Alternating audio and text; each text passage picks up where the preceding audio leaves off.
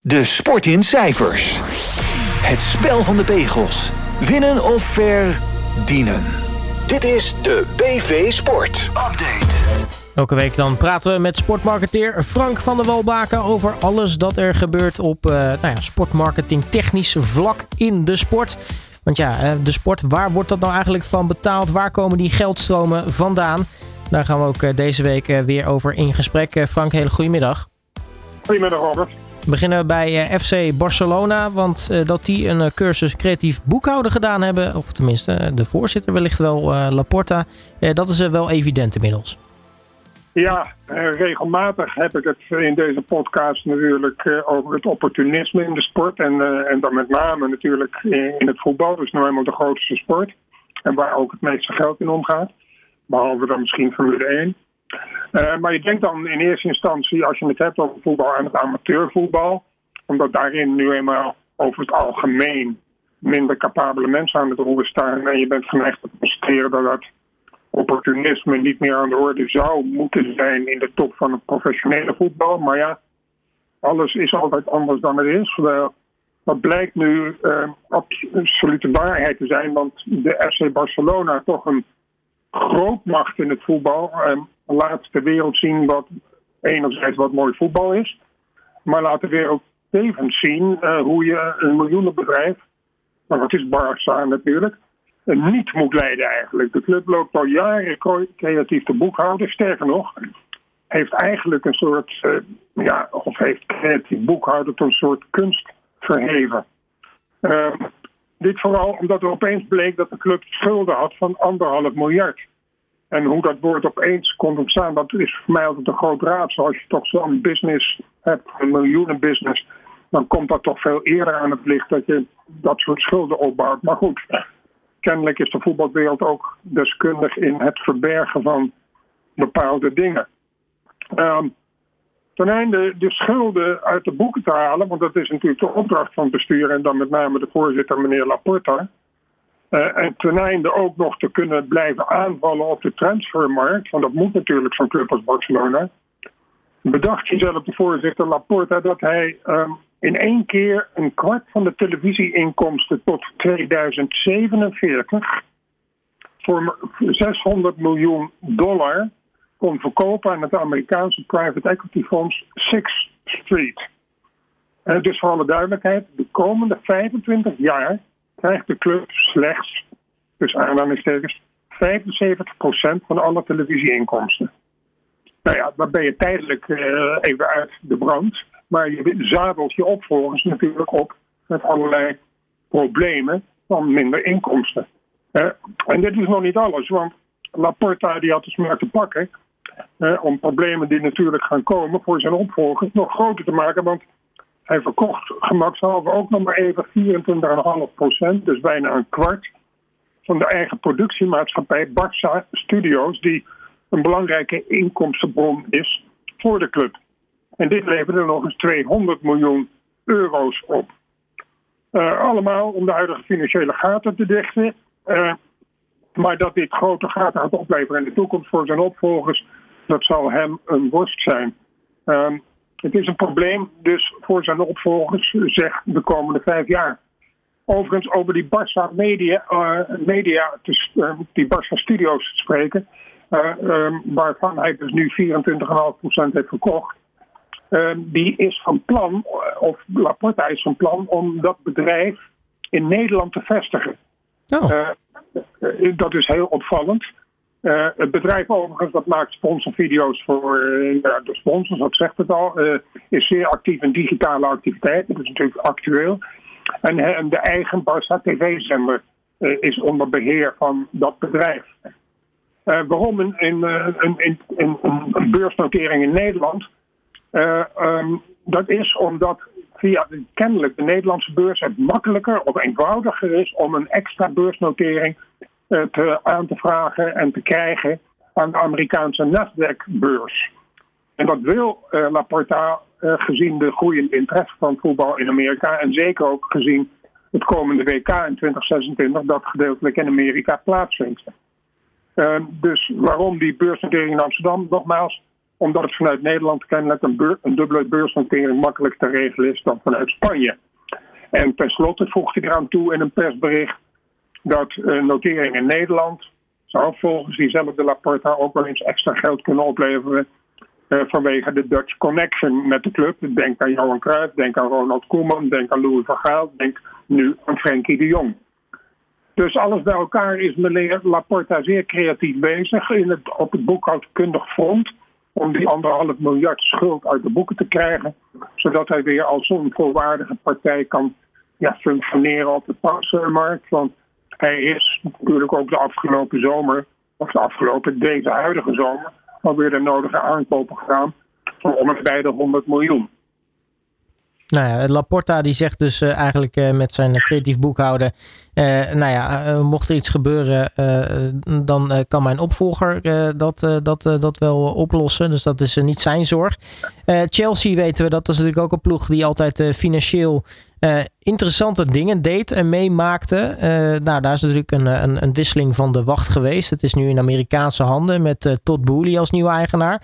hoe doen zij het tot nu toe eigenlijk onder deze nieuwe eigenaar financieel? Ja, ehm, en, terecht vragen, Robert, of ze Roman Abramovic, de voormalige eigenaar, gaan overtreffen. Voor wat betreft uh, behaalde prijzen valt nog te bezien. Maar zeker is dat de nieuwe Amerikaanse eigenaar, de Rus uh, Abramovic, qua uitgaat en binnen niet al te veel seizoenen zullen gaan passeren. Want uh, sinds meneer Todd Boehly en geholpen door Clear Lake Capital Investment 15 eh, maanden geleden uh, de aandelen overnamen, hebben we al bijna een miljard euro uitgegeven aan nieuwe spelers. Uh, in de zomer van 2022, dus vorig jaar zomer, verbraste de, Chelsea, de nieuwe Chelsea bij ons al 280 miljoen. In het, winter, in het winterwindow van 2023, dus de afgelopen winter, kwam dan nog eens 330 miljoen bij. En deze zomer, de huidige zomer, staat de teller ook alweer op 320 miljoen. Dat maakt samen 930 miljoen. Nou ja, de ogen zullen de komende tijd gericht zijn uh, op de Premier League uh, leiding. Want die is bezig met een onderzoek naar Manchester City. Maar de vraag is hoe Chelsea, uh, dat niet eens Europees voetbal speelt, zich dit allemaal kan voor binnen de huidige spel van de play waarin de, de, de Premier League uh, zeer nadrukkelijk heeft gevraagd uh, om extra aandacht. En dat zullen ze dus gaan controleren. Dus of Chelsea en Manchester City, dat ik ook al net noemde, door die keuring tussen aanhalingstekens heen komt, is nog maar de vraag. Dan uh, televisierechten, Frank, hebben we natuurlijk ook altijd over tijdens deze podcast. Want er zijn weer ontwikkelingen die er aan gaan komen. Want nou ja, het seizoen is nauwelijks begonnen. Of uh, nou ja, de, de biedingsperiodes voor uh, verschillende rechten voor uh, nakomend seizoen, die gaan zo langzamerhand weer open. Ja, de hele sportwereld en zeker de voetbalwereld en zeker in Europa kijkt met enige jaloezie naar de Engelse Premier League natuurlijk. dat die Premier League alle records breekt in zaken inkomen uit mediarechten is geen verrassing meer. Na, het kom, of na het 24-25 seizoen, dus niet het huidige seizoen, maar het seizoen daarna. Dus het is nog een behoorlijke tijd te gaan. Maar ja, ze zijn natuurlijk alert in Engeland en openen nu al de deuren voor mogelijke bieders. Uh, dus na dat 24-25 seizoen komen de huidige contracten voor vernieuwing, vernieuwing of verlenging in aanmerking. Uh, ik heb het overigens vooralsnog alleen even over de nationale rechten. Uh, dus uh, de huidige driejarige contracten met Sky Sports, TNT Sports, het voormalige BT, British Telecom Sport en Amazon Prime, dat zijn de huidige partners. Mm -hmm. uh, contractpartners die genereren op dit moment, nogmaals de nationale rechten, een bedrag van 4,8 miljard voor de driejarige cyclus. Nou, aangezien zich nieuwe gegadigden hebben gemeld, nu al, zoals bijvoorbeeld DAZN en Disney, uh, is de verwachting bij de leiding van de Premier League dat dat bedrag weer behoorlijk zal stijgen. Nou, allemaal applaus natuurlijk. Uh, aan het einde van dit jaar opent de Premier League, dus het einde van dit kalenderjaar, uh, de deuren voor de, van de wachtkamer. Maar ze hebben dus nu al aangekondigd, denk maar van na, en bereid je, je nieuwe bieding maar voor. En iedereen mag binnenkomen en een bod uitbrengen voor de komende drie jaar na 2425. Ik benadruk nog, nog maar eens, ik kan het niet genoeg benadrukken, ik heb het alleen over de nationale rechten. Want er komt namelijk een minstens vergelijkbaar bedrag uit de internationale televisierechten. En dit betekent dus, als we even een optelsommetje maken, dat die Premier League jaarlijks een bedrag van minimaal jaarlijks 3,5 miljard pond per seizoen int uit die mediarechten. En stel dat alles gelijk zou worden verdeeld, geen overigens niet geval is, maar eventjes om de vergelijking te maken, is dat dus om en nabij de 170 miljoen pond per jaar per club. Nou, als we weten dat Ajax de meest verdienende club is in Nederland voor wat de mediarechten betreft, Ajax moet het doen bij een om en nabij de 10 miljoen. Dus een verschil van 160 miljoen. Ja, dan kom je toch zo langzamerhand echt wel in de overtuiging dat uh, de Nederlandse topclubs, of hoe goed ze ook spelen, moet ik het eigenlijk niet hebben over Ajax op dit moment, maar dat even terzijde, dat die überhaupt nog de race kunnen bijblijven met de topclubs in Europa. Uh, dat het af en toe gebeurt is prachtig en maakt de sport aantrekkelijk. Maar dat het een, uh, een vastgenomen feit zou zijn, dat mogen we wel eigenlijk op ons buik schrijven. Het WK vrouwenvoetbal is inmiddels al uh, voorbij, Frank, een poosje. Maar toch uh, de hele soap rondom uh, de finale. En voornamelijk wat er na de finale gebeurde met de Spaanse bondsvoorzitter Luis Rubiales. die Jenny Hermoso voor op de mond zoende. Ja, die soap die is voorlopig nog niet voorbij. Dat, dat, dat lijkt wel echt een soort van telenovo aan het worden. Ja, we kunnen het zo langzamerhand bijna de kust des doods gaan noemen van inderdaad meneer Luis Rubiales, eh, voorzitter van de Spaanse voetbalbond. die inderdaad, zoals je terecht al zei, eh, Jennifer Hermoso, sterspeelster van uit de nationale vrouwenploeg, die net Engeland in de WK-finale versloeg met 1-0, vol op de, mond zoende. Uh, ja, wat weer vol in beeld was, wereldwijd. En de daaropvolgende rel natuurlijk van, ja, van vond Jennifer het eigenlijk wel goed. Nam zij zelf het initiatief of was het macho-gedrag van Louis? Hoe dan ook, de bond staat in eerste instantie achter de voorzitter Louis, in eerste instantie. Jennifer meldde dat het tegen haar zin was. Louis riep dat Jennifer liegt. Kortom, een klucht van de eerste orde, een drama. En bovenal, en dat vind ik het meest kwalijke van het geheel, overschaduwt het volledig de topprestatie van de Spaanse meiden de, de, het genot wat die meiden zouden moeten hebben van deze winst, uh, ja, staat in de schaduw van deze klucht. Het geeft maar weer even aan de kracht en de zwakte van sport ligt heel dicht bij elkaar. Uh, jammer, maar een bevestiging wat ik pas en onpas roep. Sport, positief of negatief, het overstijgt de sportpagina's en haalt de voorpagina's. Overigens, ik vond het gebaar van die Rubiales op de eretribune vol in beeld na het laatste fluitsignaal. Het gebaar waar hij al staande zichzelf voor in het kruis greep. Met andere woorden zeggend iets in de trant van fuck the whole world. Eh, die kwamen kwalijker over, bij mij althans, dan een spontane kus. Maar ja, ervan uitgaande dat die kus spontaan was, hetgeen inderdaad te betwijfelen is. Nou ja, dat het eh, een hele hoop overstijgt, die rel, eh, dat gaf me weer aan bijvoorbeeld bij Serena Wiegman. Die werd UEFA Coach of the Year. Een prachtige prijs nam zij in ontvangst. En, toch ook zij nam de tijd om tijdens haar nou ja, overwinningsspeech, om het maar zo te zeggen, toch ook aandacht te schenken aan, aan, aan die Spaanse vrouwen. Ja, alle complimenten en alle lof voor Sarina. Uh, ze is al inmiddels 53. Ze is natuurlijk uniek in het vrouwenvoetbal. Heeft een unieke prestatie neergezet. Maar uh, ze nam die prijs in ontvangst. Ze zei direct de, wereldtitel van het Spanje dat ons heeft verslagen. Ons zijn de Engeland natuurlijk, waar zij coach is. door de rel rondom de kus. En haar woorden bij de ontvangst, in ontvangstneming van die prijs, die eervolle prijs. Haar woorden letterlijk: De zaak bij de Spaanse voetbalsters doet me pijn. Als moeder van twee dochters. Het geeft aan dat we nog een lange weg te gaan hebben. Ik draag deze prijs op aan het Spaanse elftal. Als, als dus Wiegman op het podium tijdens de ceremonie in Monaco. Uh, wijze woorden en het geeft aan hoe goed zij in elkaar zit. En, en hoe zij haar status, uh, haar huidige status niet alleen verdient, maar ook heeft zelf heeft afgedwongen. Niet alleen in de wereld, maar met name ook bij haar speelsters. Want zij heeft van die Engelse ploeg en van de Nederlandse ploeg in de tijd een eenheid gemaakt. En dat geeft haar kwaliteit goed weer. Dan uh, blijven we gelijk in Engeland. Want als we dan uh, toch hebben over vrouwensport en Engeland. Nou ja, een van de grootste sporten in Engeland is cricket ja, natuurlijk internationaal is het ook wel een grote sport, maar voornamelijk in de, de Commonwealth-landen. Uh, en daar gaan uh, de vrouwen nu uh, gelijk betaald krijgen als de mannen. Ja, ehm, het is natuurlijk hartstikke actueel, zoals je al zegt. Het is geen nieuws meer dat vrouwensport er volop in de aandacht staat. En natuurlijk tot het meeste, in de meeste gevallen volledig terecht. Ehm, gelijkheid in beloning staat daarin vaak centraal. In sommige gevallen helemaal terecht, in sommige gevallen kan je er een vraagteken hierbij plaatsen. Maar hoe dan ook.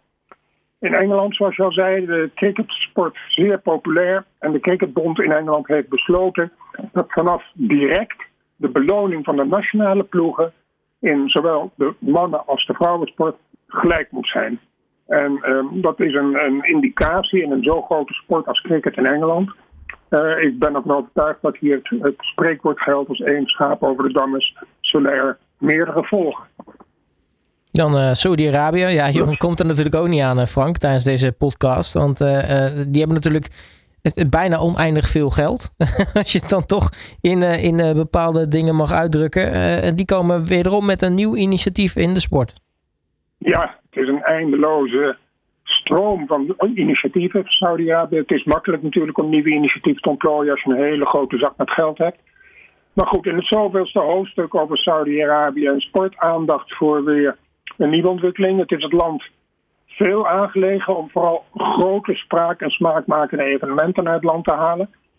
Uh, hetgeen uiteindelijk natuurlijk moet leiden voor de Olympische Spelen en het wereldkampioenschap voetbal. Dat staat natuurlijk bovenaan de verlanglijst.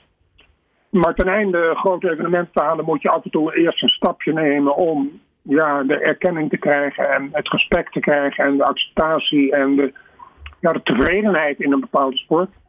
Uh, ze zijn er weer in geslaagd, uh, ongetwijfeld met een forse pot geld, om de ATP te overtuigen. De ATP staat voor de Association of Tennis Professionals, dus de tennisvakbond eigenlijk.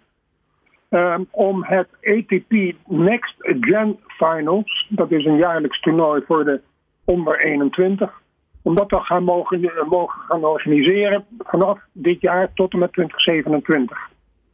Um, Next Gen betekent in dit geval onder 21, zoals ik al zei. Mm -hmm. En de stad die het gaat organiseren is Jeddah.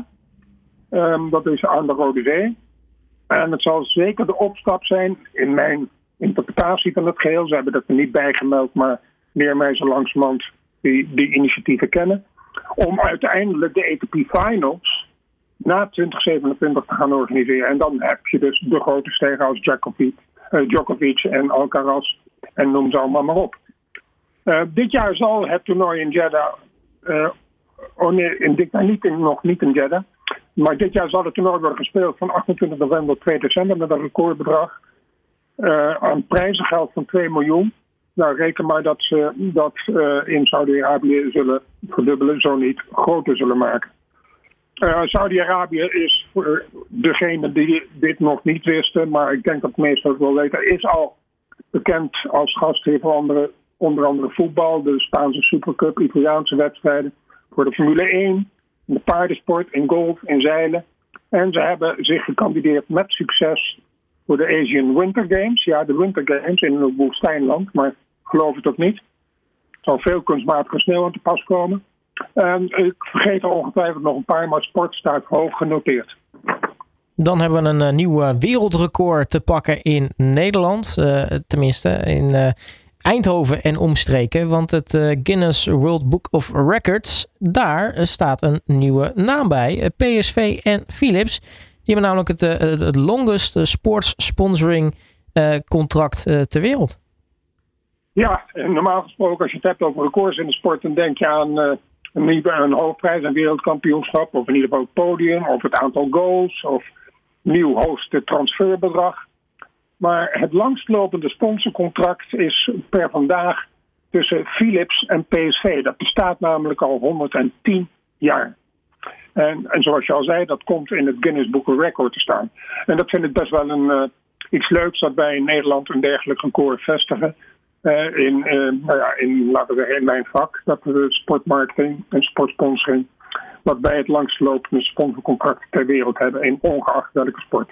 Ja, en tot slot sluiten we dan af, Frank, met, met wat Formule 1 nieuws. Ja, een klein nieuwtje op Formule 1 gebied. Uh, we hebben natuurlijk dit aanstaande weekend hebben we de grote prijs van Italië.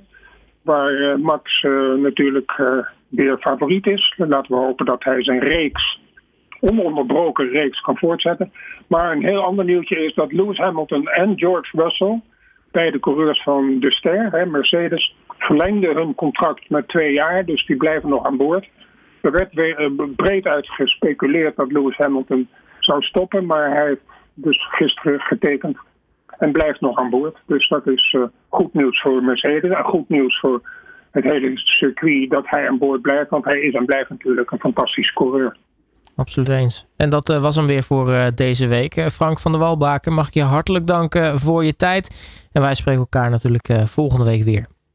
Oké, okay, tot volgende week Robert. Alle sporten van binnenuit. All Sport Radio.